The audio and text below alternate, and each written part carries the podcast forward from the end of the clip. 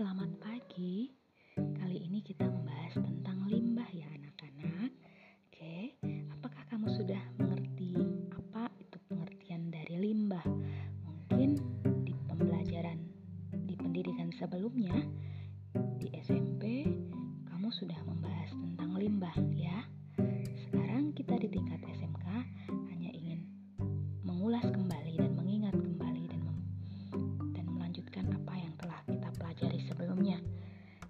umum, limbah memiliki arti sebuah buangan atau material sisa yang dianggap sudah tidak memiliki nilai yang dihasilkan dari proses produksi, baik berasal dari industri maupun domestik rumah tangga. Ya, sekarang ibu bertanya, apakah limbah atau sampah itu sama?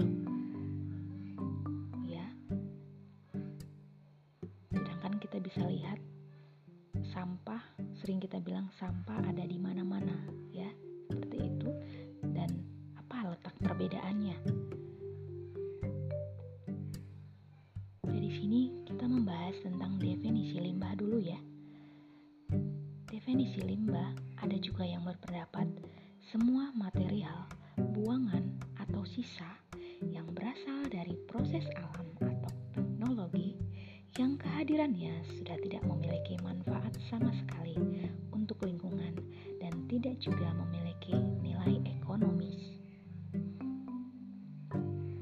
Pendapat lain mengemukakan pengertian limbah sebagai buangan yang dihasilkan dari proses produksi di industri aktivitas kosmetik agar lebih mantap memahami apa itu limbah, maka saya minta pendapat kalian apa sih definisi limbah tersebut baik berdasarkan beberapa ahli tentang limbah